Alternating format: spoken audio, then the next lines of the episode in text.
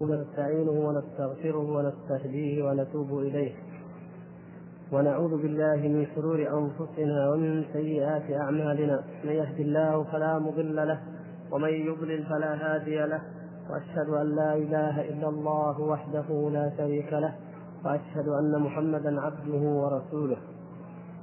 أما بعد أيها الإخوة المؤمنون السلام عليكم ورحمة الله وبركاته. كما تعلمون قد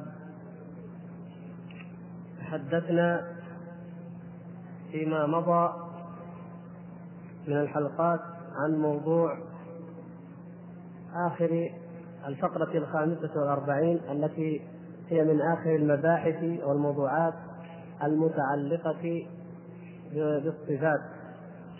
وبعد أن كنا قد أخذنا قبل ذلك موضوع الرؤية والكلام وهذه هي من أهم المباحث في أمور العقيدة والصفات.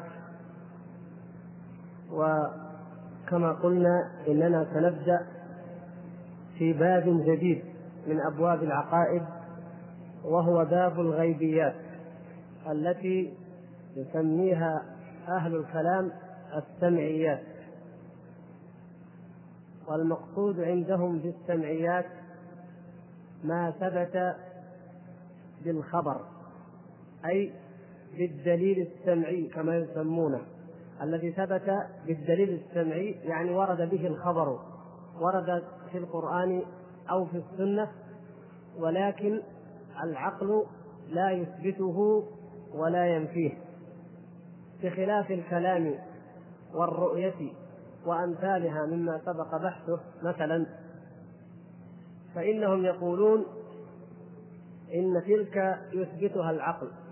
ويدركها يعني يدرك إثباتها ويقر بها ويحكم بأن الله سبحانه وتعالى يوصف بها. وهناك أخبار صفات خبرية وأخبار مجردة كما هي أحوال يوم القيامة من الصراط والحوض والميزان وكما هنا الإسراء والمعراج وأمثال ذلك مما أخبر به النبي صلى الله عليه وسلم يؤمنون به ويقرون به على الشرط الذي سنذكره مسمين إياه السمعيات فعندهم العقيدة أو أبواب العقيدة على نوعين. الأول العقليات عموما. مباحث الإلهيات والصفات وما أشبه ذلك هذه تدخل جميعا ضمن العقليات أي التي يبحثها العقل ويثبتها ويدركها. وأما مباحث السمعيات فهي التي جاء بها النص جاء بها الخبر عن النبي صلى الله عليه وسلم والعقل عندهم لا ينفيها. فنحن اليوم سنتحدث إن شاء الله عن شرح الفقرة السادسة والأربعين.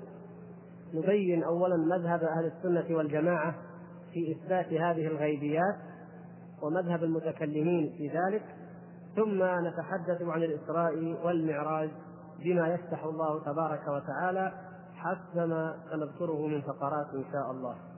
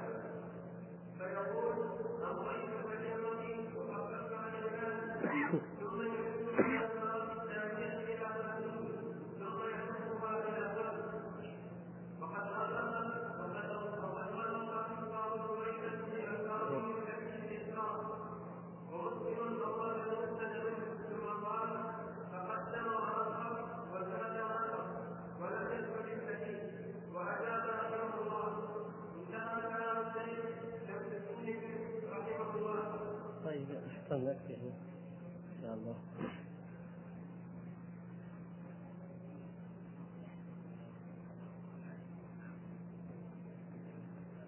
أي يأتي إن شاء الله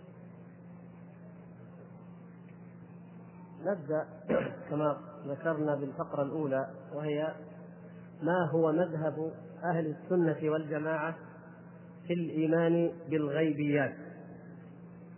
ما هو مذهب أهل السنة والجماعة؟ في الإيمان بالغيبيات أو ما يسميه أهل الكلام السمعيات. فالجواب إن شاء الله معروف لدى الجميع وهو أن أهل السنة والجماعة يؤمنون بكل ما صح به الخبر عن رسول الله صلى الله عليه وسلم. فكل ما ثبت آمنوا به وسلموا والشرط الوحيد عندهم هو أن يصح ذلك. فقط هذا هو. أن يصح ذلك وأن يثبت عن رسول الله صلى الله عليه وسلم. ما في القرآن فهو معلوم أنه لا لا نزاع فيه. فإذا ثبت شيء من من الأمور الغيبية في الكتاب أو السنة آمن به أهل السنة والجماعة كما كان يؤمن أصحاب النبي صلى الله عليه وسلم ومن بعدهم من القرون المفضلة قبل ظهور أهل البدع والضلال. إذا ما عندهم شرط في أي شيء إلا أن يثبت ذلك وأن يصح بالشروط المعروفة. يعني يصح السند إذا كان حديثا ولا يكون فيه شذوذ ولا نكارة وكما تعلمون من وجوه الترجيح التي ينقلها ويذكرها الأئمة المعروفون في ذلك. فإذا أثبتوا أمرا من الأمور فإننا نؤمن به أيا كان ذلك الخبر من أحوال يوم القيامة. من أحوال الجنة أو النار من صفات الله عز وجل. كل ما جاء وصح نؤمن به ولا نعرضه على عقل ولا على رأي ولا نقول هذا يخالف العقول أو يخالف البراهين أو القواطع العقلية أو لا نؤمن به حتى تنتفي أو يثبت سلامته من المعارضة العقلية أو غير ذلك. ولا نقول أيضا كما يقول الطرف الآخر. هذا الطرف الذي يعارض بالعقل هم المتكلمون كما تعلمون. والطرف الآخر الصوفية وأمثالهم الذين يقولون ثبت بطريق الكشف أو ثبت بطريق الذوق أن هذا لا ينبغي أو أن هذا لا يجوز أو أن ذلك لا يصح أو ما أشبه ذلك. كما يقول الصوفية مثلا في الحكم لأبوي النبي صلى الله عليه وسلم بأنهما في الجنة ويردان ويردون الأحاديث الصحيحة في ذلك ويقولون هذا لا يليق وقد ثبت عند أرباب المعرفة وأرباب الكشف والذوق أنهم في الجنة. هذا كلام لا يقبل عند أهل السنة والجماعة. العبرة عندهم إذن هو أن يصح الدليل. هذا هو الشرط وهذا هو العبرة كالحال في أي حكم وفي أي أمر. من الأمور. ولهذا لا يفرقون أهل السنة والجماعة لا يفصلون في الأبواب ويفرقون فيجعلون أبوابا عقلية وأبوابا سمعية. فكل ذلك عندهم شيء واحد كله إذا ثبت به الدليل وصح به النقل آمنوا به وسلمت له عقولهم وأيقنوا به في قلوبهم دون معارضة ولا أي تردد. هذا آه، بإيجاز واضح كما تعلمون مذهب أهل السنة والجماعة. وأما غيرهم فإنهم في مثل هذا الباب في باب السمعيات إما أن يردوا ذلك مطلقا ويقولون إن العقل يعارضها كما نقل عن المعتزلة ومن اتبعهم من الروافض أنهم ينكرون عذاب القبر أو ينكرون الميزان. أو ينكرون الصراط. وسيأتي تفصيل الأحكام في الميزان والصراط إن شاء الله. ومنهم أيضا من أنكر الإسراء والمعراج الذي هو موضوعنا اليوم. يقولون لا يعقل ذلك. وقال بعض المعتزلة نؤمن بالإسراء ولا نؤمن بالمعراج. يعني يقولون الذهاب من مكة إلى بيت المقدس ثم العودة هذا ممكن أن يقع عقلا. لكن الصعود العروج إلى السماوات السبع هذا يحيله العقل يستحيل في العقل فلا يؤمنون به. فإذا المذهب أو الفرقة الأولى هي فرقة من ينكر هذه الغيبيات. فالزنادقة الفلاسفة عموما ينكرون ذلك إنكارا باتا وتبعهم بعض المعتزلة والروافض وبعض المرجئة والخوارج والكرامية ومن ضل من هذه الفرق. وحتى بعض الأشعرية في بعض الغيبيات. ينكرون هذه الغيبيات تبعا للفلاسفة والمعتزلة ويقولون العقل لا لا يثبت ذلك. كيف نثبت عذاب القبر؟ ونحن نرى ناس يغرق في البحر وناس تأكله الدواب وناس كذا وكذا. إذا فينكرون ما صح في ذلك من الأحاديث. ويقولون لا نثبت الميزان. كيف توزن الحسنات؟ كيف توزن الصلاة وقراءة القرآن وهي ليست أشياء مادية محسوسة؟ إذا الميزان لا حقيقة له. وهكذا المعراج كما قلنا كيف يستطيع بشر أن يرقى إلى السماوات العلى وأن يدخلها سماء سماء إلى آخره؟ فإذا من بأمثال هذه الترهات ينكرون السمعيات. والمذهب الثاني هو مذهب من يثبتها ولكن على غير منهج السلف الصالح. وهؤلاء هم أغلب الأشعرية ومن يسمون أو يسمون أنفسهم متكلمي أهل السنة. لأنهم يقولون نحن أهل الكلام من أهل السنة. فيجعلون المعتزلة أهل كلام بدعي وهم أهل كلام سني. فقد سبق أن رددنا على هذه الشبهة تذكرون ذلك. من من الأئمة جمع أهل الكلام وعابهم ومر معنا هنا؟ تذكرون هذا؟ أبو حنيفة؟ نعم. وأبو يوسف؟ والشافعي؟ نعم. هؤلاء أئمة أهل السنة وغيرهم كثير الذين ظهر علم الكلام في أيامهم أطلقوا الذم على علم الكلام. ما في كلام ذمي يعني كلام سني وكلام بدعي. كل الكلام كل علم الكلام بدعة هذا الموضوع ما هو غريب يعني ما هو بعيد العهد به يا إخوان ولا لا؟ يعني لما تكلمنا عدة حلقات عن علم الكلام ولماذا سمي علم الكلام؟ وكيف نشأ؟ وعن حيرة أرباب علم الكلام.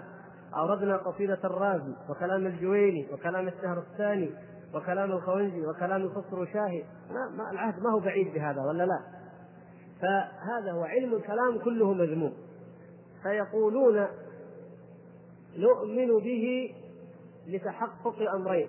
مثلا الباقلاني هو الذي أشهر وأظهر مذهب الأشعرية في بلاد في المشرق وغيره لأنه أخذ المذهب عن تلاميذ تلاميذ الاشعري فهو أبو بكر القاضي يسمونه القاضي الباقلاني.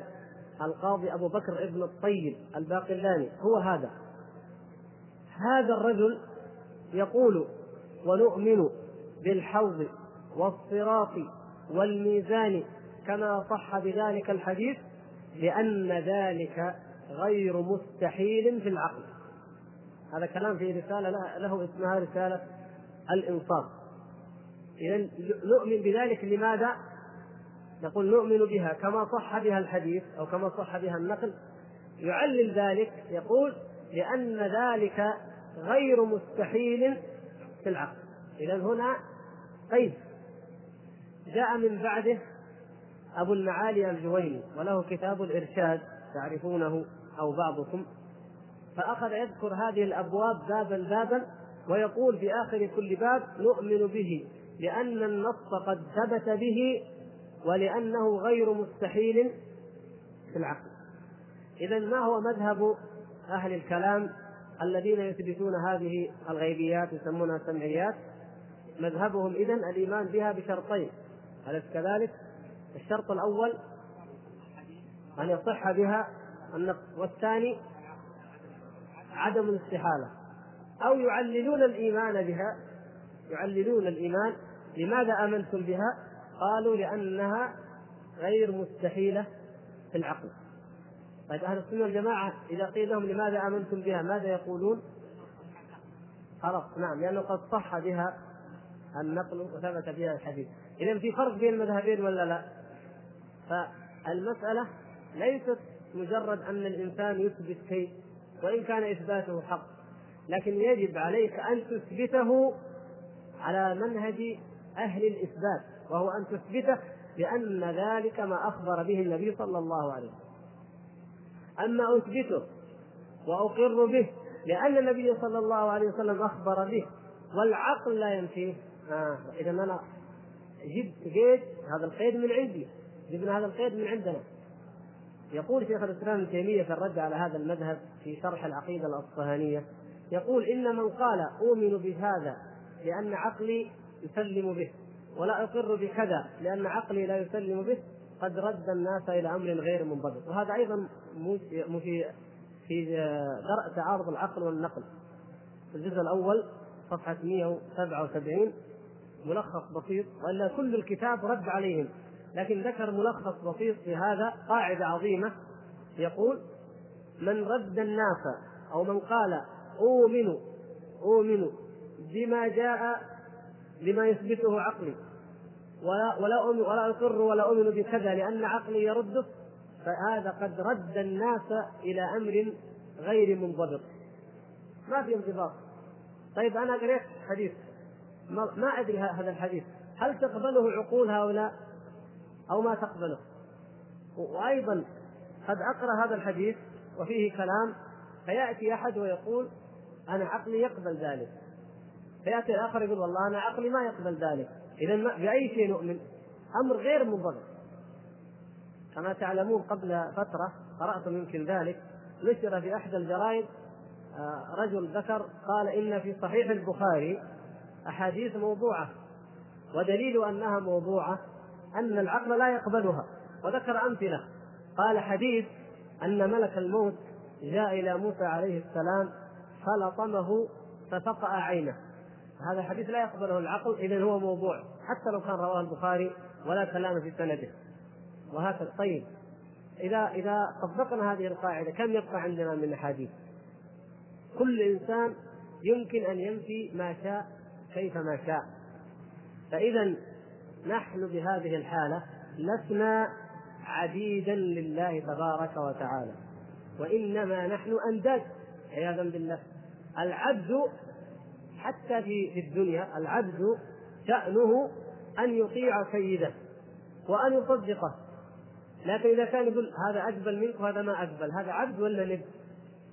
هذا نب فإذا ما الحاجة إلى أن يبعث الأنبياء؟ كما ذكر شيخ الإسلام في شرح الأصفهانية ما الحاجة إلى أن يبعث الأنبياء؟ ما دام أننا ما يأتوننا بشيء إلا ونعرضه على العقل. فإن أقره آمنا. وإن لم يقره رفضنا إذا لماذا يبعثون؟ يشتغل الناس بكلامهم نفيا وإثباتا ودراسة وتمحيصا لا إذا كان رحمة العالمين الرحمة بالناس أن لا يبعثوا والناس عندهم العقول يقيسون بها وعندهم البراهين العقلية التي ورثوها عن اليونان أو يتناقلون عن اليونان يتبعونها ولا يتعبون أنفسهم في رد كلام الأنبياء. أو ما ثبت عن الأنبياء وفي تأويله وفي إقرار بعضه ونفي بعض. فإذا اتضحت لكم إن شاء الله آه، الصورة. ومن ذلك مثلا ممن أنكر أو أو أول في ذلك لو أخذنا موضوعنا اليوم موضوع الإسراء والمعراج. محمد حسين هيكل في كتابه حياة محمد. وهذا الرجل يفسر سيرة النبي صلى الله عليه وسلم تفسيرا عصريا كما يقولون. وليس هو وحده لكن هو أشهر من كتب في ذلك. كثيرون من الناس من الكتاب اتبعوا بعض المستشرقين الذين رأوا أن إنكار نبوة النبي صلى الله عليه وسلم وغمط ما أظهر الله تعالى على يده من الحق. وجحد ذلك والطعن في شخصية النبي صلى الله عليه وسلم سبابا وشتما كما كانت كما كانت تفعل الكنيسة ورجال الدين الغربيون في القرون الوسطى منذ الحروب الصليبية وقبلها وبعدها. كان كل هم رجال النصارى رجال الدين النصارى أن يخطب فيشتم في النبي صلى الله عليه وسلم ويسبونه سبا آه، فاحشا حاشاه صلى الله عليه وسلم عما يقولون ويقولون إنه كذاب دجال ليس بنبي فعل وفعل وهكذا حتى أوجدوا في العقلية الغربية الأوروبية مناعة غريبة جدا لا تريد أن تسمع عن هذا النبي أي شيء كما هو حاله من اليوم. ولا يريدون أن ولا يمكن أن يقروا بأي فضل الله. هذا المنهج وجد بعض الناس اولا يعني من المفكرين الغربيين وجدوا اولا أنه غير علمي لأنه مجرد شتم الشيء الثاني أن مردوده عند المسلمين عكسي. المسلم إذا قرأ مثل ما كتب هذا توماس آه، آه، لامنس لامنس وامثاله من المجرمين شتم شتم هكذا في النبي صلى الله عليه وسلم فإن المسلم ينفر من الغربيين ومن النصارى نفورا شديدا ويشتمهم و... و... وتتوفز نفسه ولو لقتلهم أو قتالهم. لأن هذا لا يقر به أي مسلم مهما كان ضعيفا أو جاهلا أو ساذجا.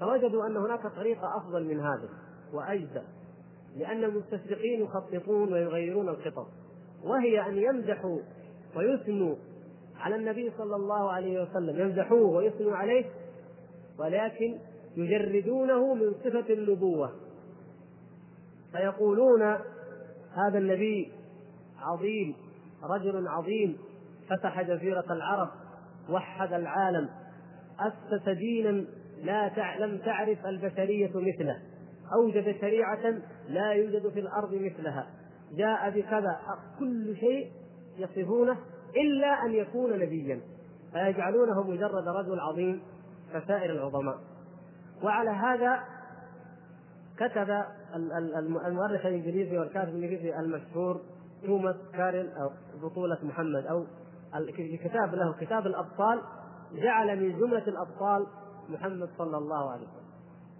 كتاب قديم في آخر القرن التاسع عشر كتب فهلل له واستبشر له أكثر المغفلين من المسلمين لانهم في ذلك اليوم في فترة ضعف وذل وهوان وما صدقوا أن رجلا غربيا يجعل النبي صلى الله عليه وسلم بطل من الأبطال مثل ما جعل نابليون بطل مثل ما جعل آه، القائد الإنجليزي هذا الذي هزم نابليون. ما أذكر اسمه الآن. عدة أبطال إنجليز وفرنسيين وألمان ومن جملة الأبطال الشرقيين محمد صلى الله عليه وسلم. على هذا المنهج سار بعض الناس الذين ينتهجون المنهج العقلي أو المنهج العصري من المسلمين. وهم من تلاميذ أو من أتباع مدرسة الشيخ محمد عبده العقلية. ومنهم محمد حسين هيكل هذا. فمنهم منهم أيضا عبد الرحمن عزام وغيرهم. واحد كتب بطل الاطفال واحد كتب الرسالة الخالدة واحد كتب حياة محمد واحد كتب محمد هكذا فقط. و آه، طه حسين كتب على هامش السيرة. كل هذا الكلام يكتبونه على أساس أن هذا رجل مفكر داهية سياسي عسكري عبقري إلى آخر ذلك إلا أن يكون يعمل بأمر من الله وبوحي من الله. فهذا وإن كانوا لا يصرحون بإنكاره لكنهم لا يكادون يأتون عليه ولا يذكرونه. وتعرفون مثلا كتب العقاد العبقريات أيضا هي من هذا القبيل. عبقرية محمد عبقرية الصديق عبقرية علي عبقرية عمر إلى آخره. كل هؤلاء على هذا المنهج ومتأثرون به من قريب أو بعيد. محمد حسين هيكل يقول إن الإسراء والمعراج هو آه، استجماعة نفسية وروحية حصلت ولا تحصل إلا لمن بلغ درجة عالية من الروحانية فكأنه استجمع في نفسه الوجود منذ أول الوجود إلى آخره استجماع روحاني كلام لا حتى لو تجي تنظر في في معاني الألفاظ هذه الكلمات لا تجد تحتها أي معنى ولا لها أي قيمة إلا أن المقصود هو أن يجرد عن كونه آية جعلها الله لهذا النبي نبيه محمد صلى الله عليه وسلم. والشيخ محمد الغزالي رد على هيكل وأنكر عليه ذلك. لكن نفس الشيخ فيه نوع من التأثر أيضا بالمنهج العصري. فلهذا جاء في كلامه أيضا ما يلمح بأن من الممكن أن يفسر الإسراء والمعراج تفسيرا ماديا أو شبه مادي. لأنه يقول انه كلمة البراق مشتقة من البرق فرب كأنه يقول كأن الحديث يشير إلى أن سرعة البراق. لأنه كما جاء في الحديث كما سنقرأ إن شاء الله آه، يضع حافره عند منتهى بصره أو عند منتهى طرفه من سرعته. فيقول كأنه يسير بسرعة الضوء. و وفي ذلك دليل على أن النبي صلى الله عليه وسلم انتطى القوة الكهربائية في عروجه إلى السماء. وهذا نفس الشيء هو رد على أولئك ولكن هذا الكلام قريب مما قالوا. فلا ينبغي لنا أن نخوض في, في هذه الأمور بمجرد الآراء وإنما يجب علينا أن نسلم ونؤمن بما جاء عن رسول الله صلى الله عليه وسلم. فهذا البراق هذه دابة كما جاء صفتها بالحديث وكما سنقرأ إن شاء الله تعالى هذه نؤمن بها كما جاءت وبها وعليها ركب النبي صلى الله عليه وسلم. ثم صعد إلى السماء صعد إلى السماء بكيفية لا تدركها عقولنا وليس من شأننا أن نفكر لماذا لا تدركها أو هل تدركها أو لا. نحن عبيد مأمورون أن نصدق وأن نسلم بما جاء. وإلا فما الفرق بيننا وبين كفار قريش؟ إذا جردنا هذا من معانيه الحقيقية. إذا استنكرت عقولنا أن يقع الإسراء والمعراج. ما الفرق بيننا وبين كفار قريش الذين سخروا وضحكوا من النبي صلى الله عليه وسلم ونادى بعضهم بعض حتى أن أبا جهل استوثق من النبي صلى الله عليه وسلم. قال أتحدث القوم بما أخبرتني به؟ قال نعم صلى الله عليه وسلم. فلم يشأ أن ينفره. حتى أخذ منه وعدا يحدث القوم حتى يجمع قريش فإذا حدثهم يكون التكذيب جماعي ويكون السخرية والضحك جماعيا بالنبي صلى الله عليه وسلم. فانطلق يصرخ في قريش تعالوا يا معشر قريش قد جاءكم محمد بما لا بالدهية الدهياء فجاءوا واجتمعوا ماذا ماذا لديك يا محمد؟ قال إنه قد اسري بي إلى بيت المقدس وعرج بي إلى السماء. فسخروا وضحكوا وأنكروا وقالوا إن الراكب منا. ليضرب في الأرض مسيرة شهر ليذهب إلى بيت المقدس ثم مسيرة شهر ليعود. وتزعم يا محمد أنك تذهب إليه في يوم وليلة؟ وجاءوا إلى الصديق أبي بكر رضي الله تعالى عنه وإلى بعض من كان قد آمن بالنبي صلى الله عليه وسلم فأخبروهم. فأما أبو بكر رضي الله تعالى عنه فقال إن كان قال ذلك وقلنا إنه لم يثبت عنه إنما أرادوا أن الروح ذاتها أسري بها ففارقت الجسد. الإنسان مركب من جسد ومن روح. فيقولون لا الروح نفسها فارقت الجسد وذهبت هي بنفسها ورأت ذلك. لاحظتم؟ فيقول ويجعلان ذلك ثم عادت إليه ويجعلان هذا من خصائصه فإن غيره لا تنال ذات روحه لا تنال ذات روحه الصعود الكامل إلى السماء إلا بعد الموت. ويقول يعني يقولون كل إنسان إذا مات إذا مات فإن روحه تصعد إلى السماء والمؤمن تفتح له أبواب السماء كما تعلمون. وأما الكافر والمنافق فإنه لا تفتح لهم أبواب السماء عافانا الله وإياكم.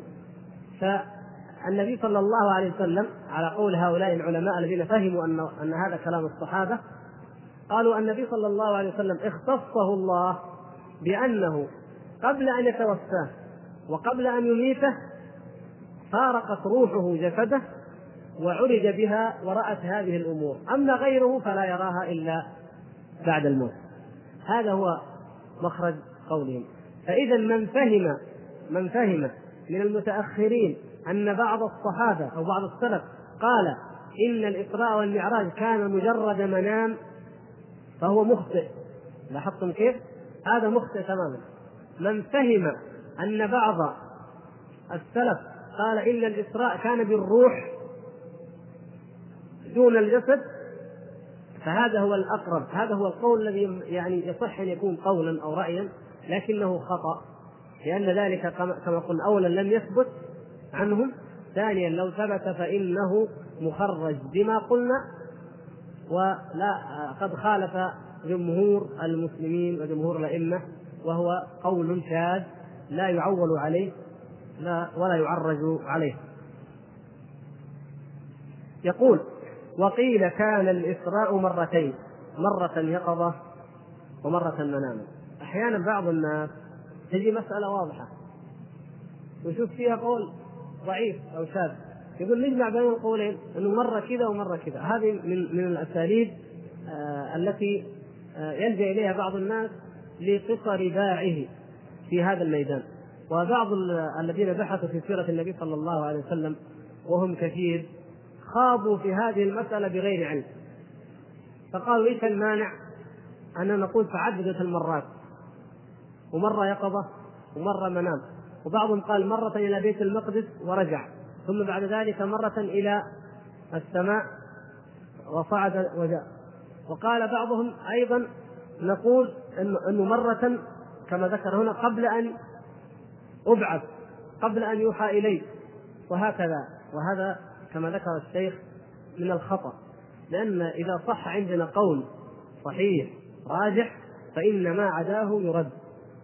ولا ينبغي لنا أن نجمع بين القول المرجوح الساقط أو الذي لا يؤبه له من كلام المتأخرين مثلا أو فهمهم أو على رواية ضعيفة أو غير ثابتة وبين القول الصحيح الذي ثبتت أدلته فإن هذا يوقع في الاضطراب. فيقول الشيخ الذين قالوا إن الإسراء كان مرتين مرة في اليقظة ومرة في المنام أرباب هذا القول كأنهم أرادوا الجمع بين حديث شريف وقوله ثم استيقظت. يعني في هذه الرواية يقول ثم استيقظت. وبين سائر الروايات. الروايات الأخرى التي ليس فيها ثم استيقظ.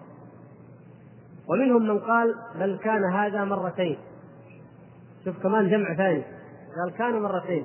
مرة قبل الوحي لقوله بنفس الرواية هذه الضعيفة رواية شريف بن عبد الله وذلك قبل أن يوحى إلي ومرة بعده كما دلت عليه سائر الأحاديث. ومنهم من قال ثلاث مرات. مرة قبل الوحي ومرتين بعده أحدهما يقظة يعني والأخرى منام يقول وكلما اشتبه عليهم لفظ زادوا مرة للتوفيق. قالوا نوفق بين الأقوال حتى لا لا تختلف عن الأدلة لأن هذه الروايات آه، في الصحاح ولم يفرقوا بين الرواية الصحيحة الثابتة وبين الرواية الشاذة أو المضطربة المخالفة لتلك الروايات. يقول وهذا يفعله ضعفاء أهل الحديث وإلا فالذي عليه أئمة النقل أن الإسراء كان مرة آه، واحدة بمكة بعد البعثة قبل الهجرة بسنة وقيل بسنة وشهرين ذكره ابن عبد البر. وهذا ما يتعلق بالتاريخ. يقول آه، بعد ذلك ينقل عن الإمام ابن القيم رحمه الله. قال شمس الدين ابن القيم لنفهم خطأ من يقول إن الإسراء والمعراج قد تكرر. هنا دليل واضح جدا يقول ابن القيم رحمه الله.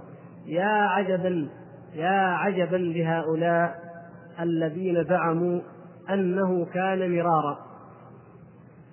كيف ساغ لهم أن يظنوا أنه في كل مرة يفرض عليهم الصلوات خمسين ثم يتردد بين ربه وبين موسى حتى تصير خمسا؟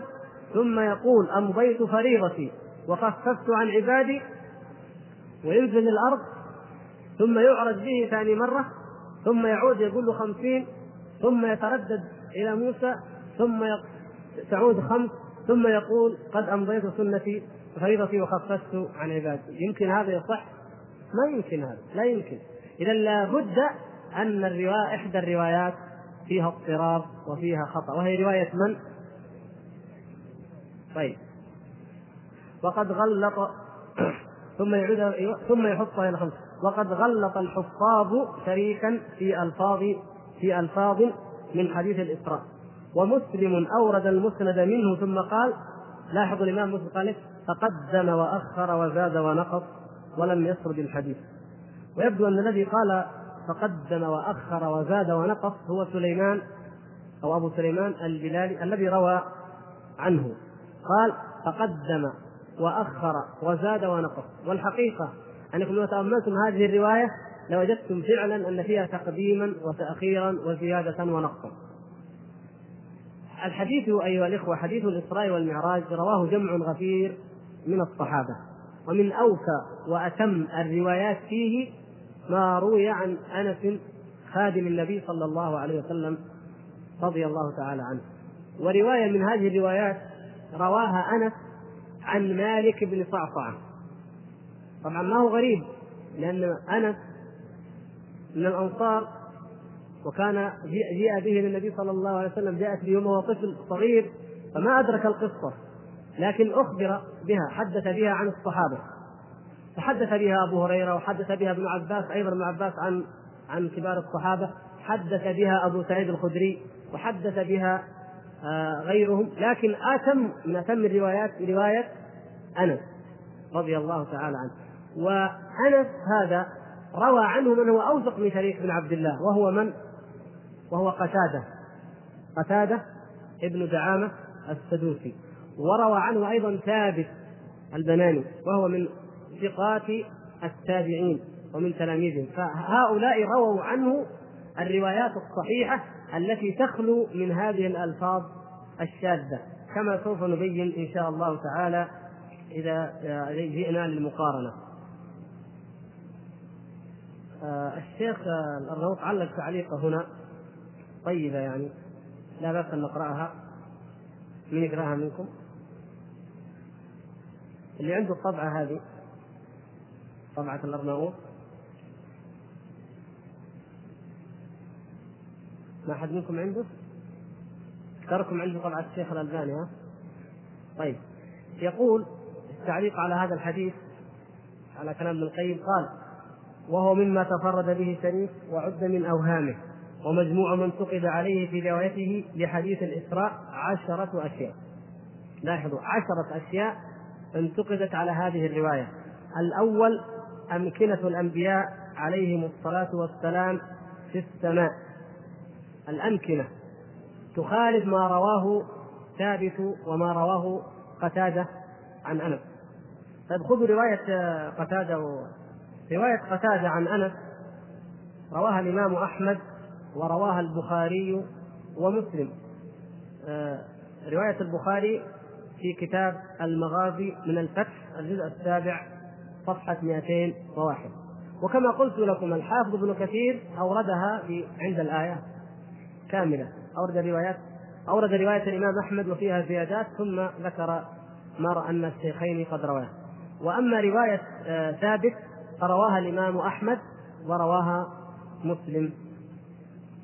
وهذا شريك بن عبد الله لما خالف في ذلك خالف أولا في أمكنة الأنبياء. في أمكنة الأنبياء لأنه كما سيأتي لقي آدم في السماء الأولى. في السماء الثانية لقي يحيى وعيسى ابني الخالة. في السماء الثالثة لقي يوسف في السماء الرابعة لقي إدريس وفي الخامسة لقي هارون. طيب هذه فيها فيها اختلاف حتى في الحديث في الروايات الصحيحة. ثم في السماء السادسة لقي أيضا اختلف في السادسة والسابعة. بعضها يقول موسى وبعضها يقول يجعل إبراهيم هو الأعلى.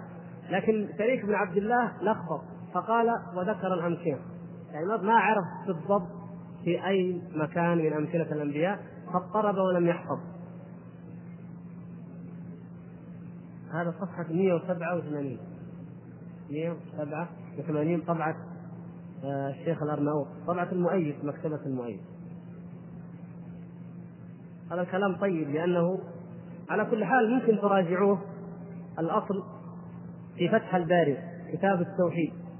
كتاب التوحيد من فتح الباري الجزء الثالث عشر صفحة 404 و405 لأن الحافظ ابن حجر رحمه الله تكلم عن هذا الحديث عن الإسراء والمعراج في موضعين. الأول في كتاب المغازي يعني كتاب السيرة سيرة النبي صلى الله عليه وسلم في الجزء السابع من الفتح. ثم تكلم بالتفصيل أيضا في الجزء الأخير الثالث عشر في كتاب التوحيد. في كتاب التوحيد ذكر المخالفات التي وقعت فيها رواية شريك بن عبد الله. اذا الثاني كون المعراج قبل البعثة. الثاني المخالفة الثانية كونه قبل البعثة. الثالث كونه مناما يعني قوله أنه ثم استيقظت الرابع مخالفته في النهرين في النيل والفرات وسيحان وديحان الخامس مخالفته في محل سدرة المنتهى. هذه قد تختلف يعني ليس فيها كبير إشكال. السادس شق الصدر عند الإقراء. خالف فيه السابع ذكر أن أن شريك ذكر نهر الكوثر في السماء الدنيا وروايات أخرى أنه في السماء السابعة. الثامن نسبة الدنو والتدلي إلى الله عز وجل. وهذه إن شاء الله سوف نفصلها في الدرس القادم إن شاء الله. التاسع تصريحه أن امتناعه صلى الله عليه وسلم من الرجوع إلى سؤال ربه التخفيف كان الخامسة وغيره قال غير ذلك. العاشر قوله فعلى به إلى الجبار قال هو في مكانه. المقصود أن هذه الرواية مضطربة ضعيفة ولا يعول عليها.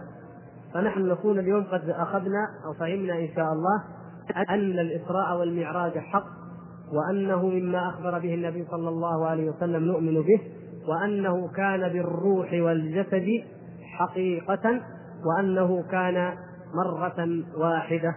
هذا هو القول الراجح في المسألة ونقف هنا. والحمد لله رب العالمين وصلى الله وسلم على نبينا محمد وعلى آله وصحبه أجمعين. الحمد لله رب العالمين.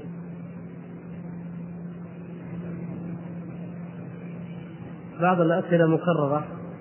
ولكن بعض الإخوان يبدو أنه يعني ملح أو يريد الجواب ويقول أن قد أجبت على هذه الأسئلة لكن نرجو أن تجيب عليها مرة أخرى. مثلا أخ يقول نرجو أن توضح لنا عن الصوفية وهل هناك صوفية حسنة وسيئة؟ وما رأيك في كتاب رسالة المسترشدين للإمام المحاسبي؟ لتقديم الشيخ مخلوق وفيه يتحدث عن نوعي الصوفية فنرجو توضيح منهجهم ومن هم أئمتهم. الصوفية ليس هذا الحقيقة مقام التوسع في التفصيل في الحديث عنهم. لكن نقول إن الصوفية إذا أطلقت ويراد بها المنهج والمذهب من المنهج أو المذهب أو الدين الذي يسمى التصوف أو الصوفية هذه لها معنى. وقد يطلق على بمعنى الأفراد أو الأتباع الذين ينتسبون أو ينتمون إلى هذا المنهج أو ينسبهم غيرهم إليه.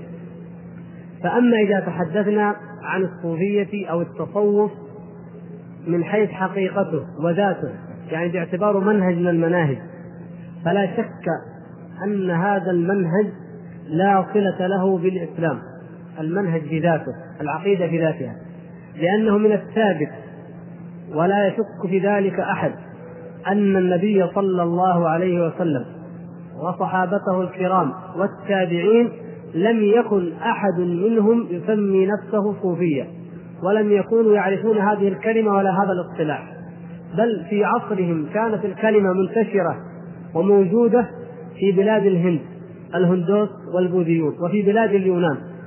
فكان هناك نوع من الناس المتألهين المتعبدين الذين تركوا الدنيا وبعضهم يهيم في الغابات على وجهه لا يتزوج ولا يقتات شيئا من الدنيا وإنما يقول أعذب نفسي بالجوع وبشتى الآلام حتى أتحد بالله أو أفنى في ذات الله. في النهاية هؤلاء كانوا يسمون الصوفية من قبل الإسلام بقرون وبعد الإسلام.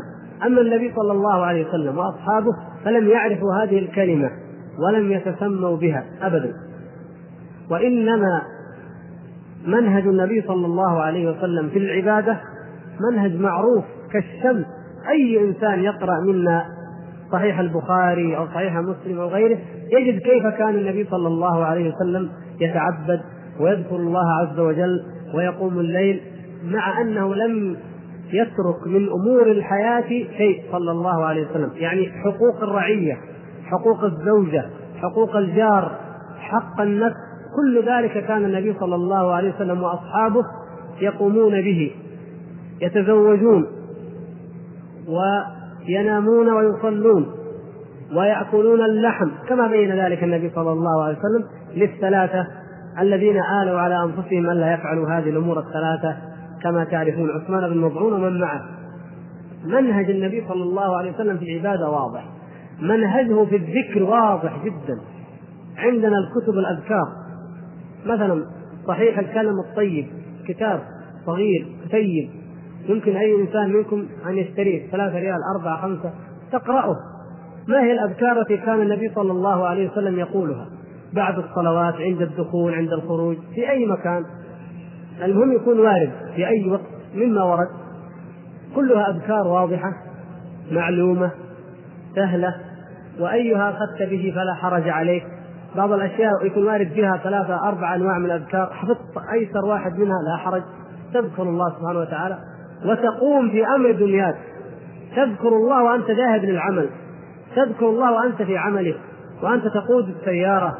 وأنت جالس كل كل هذا جائز وكان النبي صلى الله عليه وسلم وأصحابه يفعلونه ويذكرون بالذكر الوارد. فأمر واضح. لكن هؤلاء قوم جاءوا بمنهج لا صلة له بالإسلام. فلما أن أرادوا أن يفسدوا هذه الأمة أو أن يدخلوا بعض هذه الأمة في دينها ودخل من من هؤلاء الهنود وغيرهم دخل في الإسلام طائفة منهم لكن ما دخلت في الإيمان الصحيح. كما يا إخوان مثلا أضرب لكم مثال. لو اليوم واحد إنسان من أمريكا من الفلبين دخل في الإسلام وعنده عقائد قديمة كثيرة جدا لكن ما تربى تربية سليمة. مثل حالتنا اليوم دخل في الإسلام وجاء عندنا مجتمعاتنا هذه التي فيها البدعة وفيها السنة وفيها المستقيم فيها المنحرف. كيف تتوقعون يكون؟ لابد يبقى عنده رواسب من ديانته القديمة من عاداته القديمة هذا شيء طبيعي. فهؤلاء دخلوا في الإسلام وبقيت عندهم هذه الرواسب القديمة. وبعضهم كان متعمدا يريد أن يصرف المسلمين ويحولهم إلى هذا الدين. فقال إن التصوف هو الإسلام ولا يتعارض مع الإسلام. والنبي صلى الله عليه وسلم منهجه كان صوفيا والصحابة كانوا صوفية وكذا. ليخدع الناس فيدعوهم إلى التصوف الذي على منهجه هو. ترك للدنيا ترك للأمر بالمعروف ترك للنهي عن المنكر ترك للجهاد في سبيل الله عز وجل. التعبد بطرق غير مشروعة هذا أقل ما فيه مما هو واضح. بعضهم الذين يتكلمون في الفناء وفي السكر وفي الوجد وفي الحلول والاتحاد هذا أشد وأشد. هؤلاء خارجون من الملة بإجماع طوائف المسلمين.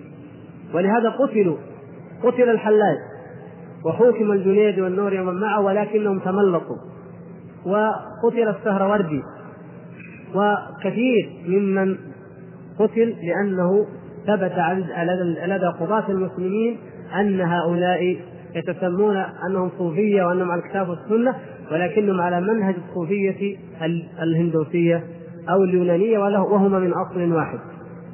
هذا إذا تكلمنا نقول عن المنهج. منهج الصوفية لا يقوم على الاستدلال من كتاب الله ومن ما صح عن النبي صلى الله عليه وسلم. لا. الصوفية اقرأ أي كتاب من كتبهم. يستدلون بأقوال المشايخ بمناماتهم بأحلامهم بقصص وعبر وأمثال يذكرونها عن المشايخ بكلام الإسرائيليات بكلام الوعاظ والقصاص القدامى بأمثال ذلك. ونذر أن يأتوا بحديث صحيح. وإن جاءوا به فهموه على ما يفهمه أرباب الذوق والكشف كما يسمونهم ولا يفهمونه كما يشرحه علماء أهل السنة والجماعة المحققين الشراح. فلا ينظرون حتى اللغة العربية لا يبالون بأن يخالفوا اللغة العربية فيفهمون الأحاديث والآيات كما يشاءون ويقولون إن العلم الباطن أو الكشف الباطن يأتي الإنسان بالتقوى فقط والتقوى تأتي بالذكر. فاذكر الله كثير واتق الله على طريقتهم فيقول واتقوا الله ويعلمكم الله فتعرف معاني الآيات وتعرف أشياء كثيرة دون أن تتعب نفسك وتجلس في حلقات العلم وتقرأ الأحاديث وتدقق وتصحح وتتعب نفسك. فمنهجها يختلف تماما عن منهج أهل السنة والجماعة في هذا. وهذا أقل ما نستطيع أن نقوله. أما الأفراد فهذا شيء آخر. يعني فرد يقول أنا صوفي. أو فرد قال بعض الناس هذا الشيخ صوفي أبو نعيم صاحب حلية الأولياء ذكر طبقات الصوفية ذكر أول واحد أبو بكر الصديق مثلا. أو يعني من أول بدأ من أبو بكر ثم عمر ثم عثمان ثم علي. هؤلاء ما دخلهم في الصوفية وما علاقتهم بها. خطأ. لكن هو أبو نعيم ينظر إلى أن كل متعبد كل ولي كل عبد صالح فهو صوفي. ماذا نقول لأبي نعيم وأمثاله؟ نقول أنت أخطأت في الإطلاق. أخطأت في الإطلاق وفي التسمية. ليش تسمي أحد صوفي والتسمية ليست بالأمر الهين في ديننا يا أخوان. لأنه كما صح في الحديث من حلف بملة غير الإسلام أو من انتسب إلى ملة غير الإسلام فهو كما قال أمر خطير. وبعدين الله سبحانه وتعالى أنكر بصريح القرآن على من قال إن إبراهيم يهودي أو إن إبراهيم نصراني لما جاء وفد نجران. قالت اليهود إبراهيم نصراني. قالت النصارى لا إبراهيم آه، يهودي. قال اليهود إن إبراهيم يهودي. فالله سبحانه وتعالى أنكر عليهم. قال ما كان إبراهيم يهوديا ولا نصرانيا. كونكم تنسبونه إلى دين غير الإسلام لا يجوز ولكن كان حنيفا مسلما. فلا يصح أن ننسب أحد إذا قلنا وعلمنا أن الصوفية بهذا الاسم وبهذه الكلمة اصطلاح على مذهب وثني قديم للجاهلية اليونانية والجاهلية الهندية لا يجوز أن ننسب إليه الصحابة ولا أن ننسب إليه أي صالح أو فاضل. لكن واحد يقول أنا ما أنا قصدي حسن قصده أنه يعني هؤلاء الصوفية يعني ناس طيبين عباد. يقول أخطيت في اللفظة في الإطلاق في التسمية وإن كان هدفك سليما. أما لو واحد أراد أن يقول أنهم صوفية بمعنى أنهم على نفس المنهج فهذا يكون قد جنى على هؤلاء جناية كبرى. ويكون نوعا من الشتم ونوع من السب للصحابة رضوان الله تعالى عليهم وللسلف أن يقال أحمد بن حنبل صوفي مثلا. هذا سب وشتم للإمام أحمد. لأنه إذا كنا نقرر أنها فرقة وثنية جاهلية فأنت مثل الذي يقول أحمد بن حنبل وثني جاهلي والعياذ بالله أو أي واحد فكيف بالصحابة الكرام؟ هذا لا يجوز. طيب واحد جاي يقول أنا صوفي من المتأخرين. طبعا لن تجدوا هذا إلا بعد القرن الخامس والسادس. هل يقصد أحد تتوقع أن أحد يقصد أن يذم نفسه؟ يعني من علماء الصالحين. ما أحد يذم نفسه. لكن هو يظن لما يقول أنا صوفي أنها شيء محمود شيء طيب. يعني أنا من الأولياء أو من العباد أو ما أشبه ذلك. فهذا أيضا نقول لا تطلق على نفسك هذا. أنت تلوم نفسك وإن كنت لا تدري. تذمها وأنت لا تشعر. لكن جانا واحد صوفي حقيقي فعلا ويقول أنا صوفي فهذا نقول أنت صوفي فاذا يبقى النقاش هل أنت مسلم؟ هنا نأخذ. نعم. فإن كان من الحلولية من الاتحادية من الذين طوائف الغلاة الذين خرجوا عن الإسلام بالكلية فهذا نقول هو صوفي وليس بمسلم كما كان ابن عربي وابن الفارض والسهروردي وابن سبعين والتلمساني الذي يسمى العفيف ويسميه علماء السنة الفاجر التلمساني وعبد الكريم الجيلي وأمثال هؤلاء. هؤلاء نسميهم صوفية ولا نسميهم مسلمين لأنهم خارجين من الملة. وأما أولاد ما هم كذلك لكن عندهم بدع فقط. عندهم بدع من بدع التصوف لكن هذه البدع لا تخرجهم من الملة. فهؤلاء مشتركون. عندهم إسلام وتصوف وكما تعلمون لا غرابة في ذلك لأن مذهب أهل السنة والجماعة أنه يجتمع في قلب الإنسان إيمان ونفاق. أليس كذلك؟ يجتمع. ويجتمع في الإنسان طاعة ومعصية ولا لا؟ هذا حال أكثر الناس. يجتمع فيه الطاعة والمعصية ويجتمع في قلبه الإيمان والنفاق. فكذلك هؤلاء فيهم إسلام وفيهم ابتداع. فلأيهما كان الشبه فإنهم يتبعون. فلا بد من التفصيل في هذا. أئمة التصوف أول من سمي صوفي هو جابر ابن حيان الكيميائي في منتصف أو في النصف الأول من القرن الثاني للهجرة. ثم أطلقت على بعض طائفة ظهرت في الإسكندرية على رأس المئتين.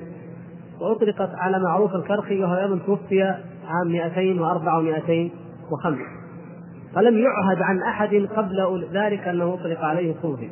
وأطلقت على آه رابع العدوية مثلا فيما بعد أطلقت على آه ابن هذا حي حي ابن حيان هو هذا قلنا جابر بن حيان على رباح أو رياح بن عمرو القيسي.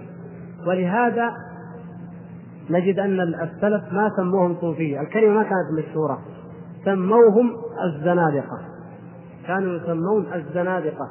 وإذا أرادوا أن يوضحوا أكثر قالوا الزنادقة الروحانيون. ليش؟ لأن في زنادقة فلاسفة. لكن هؤلاء زنادقة روحانيون. تجدون أبو داود تجدون أبا داود صاحب السنن صاحب الكتاب المشهور من كتب الحديث وهو تلميذ الإمام أحمد رضي الله تعالى عنه ورحمهم أجمعين. يقول رياح أو رباح وقيل إنه رياح رياح بن عمرو هذا القيسي وابن حيان جابر بن حيان هذا وكليب واحد أيضا كان اسمه كليب وقال إيه؟ ورابعة رابعتهم في الزندقة. هذول الأربعة زنادقة. ولذلك الرابعة رابعتهم في الزندقة. هؤلاء كانوا يسمون الزنادقة ولم يسموا الصوفية. لكن في هم يسمون أنفسهم الصوفية وعلماء السنة يسمونهم الزنادقة الروحانية. ثم انتشر الاسم على أنهم صوفية. هؤلاء أول من سمي الصوفية. ورجل آخر يسمى عبدك. رجل مجوسي أيضا يسمى عبدك الصوفي. والشيء العجيب يا إخوان أن الصوفية الأولين كانوا شيعة. وهذا مؤكد. جابر بن حيان كان شيعيا رافضيا. وإذا آه، قرأتم رسائل جابر بن حيان المطبوعة المتداولة الآن في بعض الأمور الكيميائية يقول وقد أطلعت الإمام المستور الإمام كذا أمرني بكذا أمر الإمام بكذا ويقولون إنه يعني بذلك جعفر الصادق. والله أعلم لكن المقصود ويقول والذين خالفوا الإمام عليهم لعائن الله وعليهم وعليهم. ويقصد بذلك أهل السنة. في كتاب نفس رسائل جابر بن حيان. والحمد لله أن الذي حققها مستشرق. مستشرق فرنسي. لو كان واحد من أهل السنة قالوا ربما أنه أدخل هذه العبارات. ابن النديم صاحب الفهرس هو رجل شيعي بلا شك. الشيعة يترجمون له في كتبهم ولا شك أنه رافضي شيعي. هذا يقول إن أول الصوفية هو جابر بن حيان. هو نفسه. وبعدين جابر بن حيان لما كان يستخدم الكيمياء كانت مخلوطة بالسحر. ومن المؤكد أن البيئة الهندية بيئة سحر. فأولئك من المؤكد في تاريخ الهند نفسه أن الصوفية الأولين كانوا يتعاطون السحر. ليثبتوا أنهم أصحاب خوارق وأصحاب معجزات فيصدقهم الناس. فالسحر متوارث ومختلط مع معهم. فكان أيضا هذا يقال له الساحر ويقال له الصوفي. حتى لو انتقلنا إلى بعد ذلك إلى مؤلف شمس المعارف البوني تجدون أنه من أوصافه أنه القطب الرباني وأنه كان من شيوخ الطريقة من الأقطاب. نفس الشيء العملية مع بعض. الحلاج حلاج ذكر الحافظ الذهبي رحمه الله أنه ذهب إلى الهند وتعلم السحر. ثم جاء وقال أنا من أولياء الله فكان الإنسان يطلب منه يقول يريد فاكهه الشتاء فاكهة الصيف في الشتاء فيقول يمد يده ويخرج له الفاكهة وأنه ذهب وجاء بسمكة وأنه فعل من هذه الخوارق السحرية أو الاستعانة بالجن ويقول أن هذا من الولاية ومن الكرامات فاذا معروف الكرخي أيضا كان عند الرضا خادما للرضا.